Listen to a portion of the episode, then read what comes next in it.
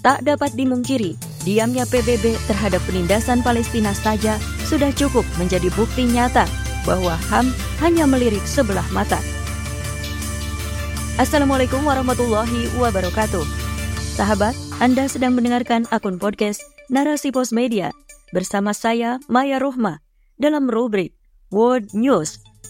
Kali ini berjudul Temui Arab Saudi, Amerika Serikat imingi HAM dan normalisasi Israel Saudi. Artikel ini ditulis oleh Nurjana Triani, kontributor narasipos.com.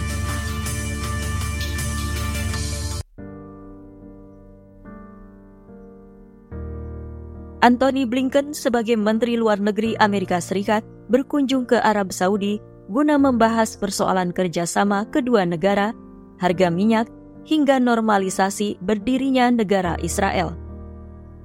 Kunjungan Anthony Blinken ke Arab Saudi bertemu dengan putra mahkota Muhammad bin Salman yang juga menjabat sebagai Perdana Menteri. Pembahasan yang dibawa dalam pertemuan tersebut antara lain membahas normalisasi Israel Saudi. Hingga sebelum menginjakan kaki di Saudi, Blinken bertemu dengan kelompok Loki pro-Israel, Komite Urusan Publik Amerika, tepat sehari sebelum keberangkatan ke Arab Saudi. Blinken mengatakan AS memiliki kepentingan keamanan nasional yang nyata dalam mengadvokasi normalisasi hubungan Israel-Saudi.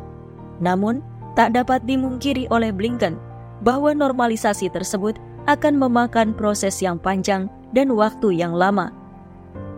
Amerika Serikat memang masif memberikan dukungan penuh kepada Israel untuk memiliki hubungan yang baik dengan sejumlah negara dan negara mayoritas Muslim. Sementara itu, Saudi menunjukkan tanda-tanda penerimaan normalisasi tersebut dengan rujuk bersama Israel jika mendapatkan keamanan dari Amerika Serikat. Sudah sejak lama, Saudi berjabat tangan membangun hubungan yang cukup erat dengan Amerika Serikat. Bahkan, Saudi juga dilaporkan meminta bantuan Amerika Serikat untuk mengembangkan program nuklir sipil dan mengurangi pembatasan penjualan senjata Washington ke Riyadh.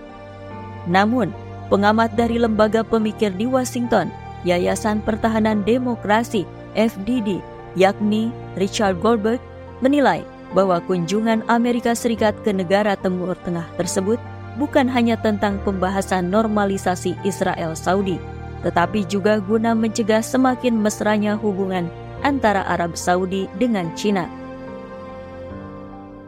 HAM, kebengisan tetap dibungkam dukungan Amerika Serikat terhadap Israel selayaknya bukanlah hanya sekadar bahasan HAM semata. Karena jika hak kebebasan itu nyata, maka Palestinalah yang lebih berhak menerimanya. Keberpihakan Amerika Serikat kepada salah satu negara yang berkonflik bukanlah tanpa makna.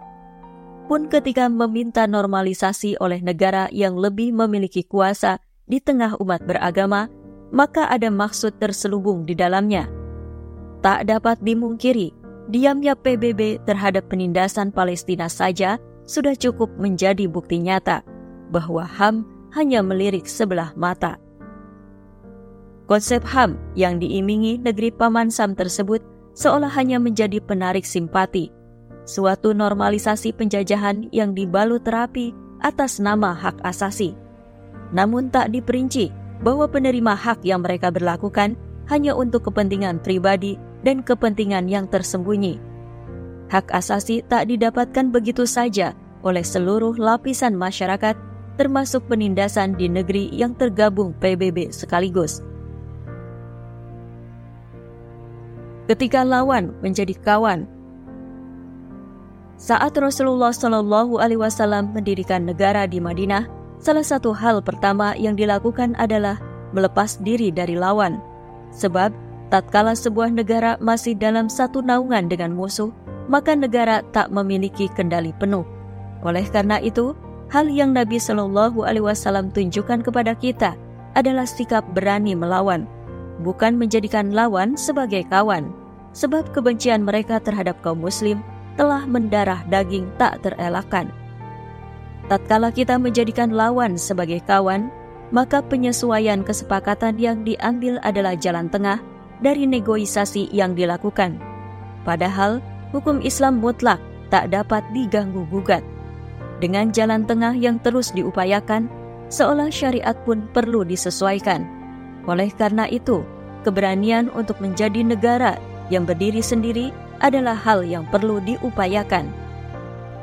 Dengan adanya jabatan tangan antara Amerika Serikat dengan Arab Saudi, menunjukkan seolah kaum muslim mudah ditaklukkan hanya dengan kesepakatan. Meski Saudi mendapatkan keuntungan berupa keamanan, namun martabatnya sebagai negeri muslim seolah hancur diterkam lawan. Sebab dahulu Nabi Shallallahu Alaihi Wasallam memperjuangkan hak sesama Muslim dengan nyawanya, namun sekarang justru berjabatan dengan musuhnya. Tatkala saudara digempur tak ada habisnya. Memang tak mudah tatkala Rasulullah mendirikan negara Islam di Madinah. Ada pertumpahan darah, ada pengorbanan dan usaha dengan keringat yang bercucuran. Peperangan di awal berdirinya suatu negara bukan hal yang mudah untuk dilakukan. Namun Rasulullah Shallallahu Alaihi Wasallam menunjukkan bahwa yang bekerja bukan hanya upaya manusia, tetapi kehendak Allah Taala. Ditambah para pejuangnya yang mampu menjadi garda pelindung terdepan dalam peperangan, tak takut oleh lawan, tak takut kematian, mengantarkan umat Muslim meraih kemenangan, hingga Islam dapat mencapai puncak kejayaan 13 abad memimpin penuh kegemilangan. Allah Subhanahu wa Ta'ala berfirman, yang artinya, "Hai orang-orang yang beriman, janganlah kamu mengambil orang-orang kafir menjadi wali dengan meninggalkan orang-orang mukmin." Inginkah kamu mengadakan alasan yang nyata bagi Allah untuk menyiksamu? Quran Surat An-Nisa ayat 144 Sikap Arab Saudi sebagai salah satu negara mayoritas muslim seharusnya tegas menolak berbagai kesepakatan yang menjerumuskan umat muslim dalam kesengsaraan yang lebih dalam. Terlebih, kesepakatan yang dibuat hanya menguntungkan negeri sendiri atau bahkan urusan pribadi. Allahu a'lam bissawab.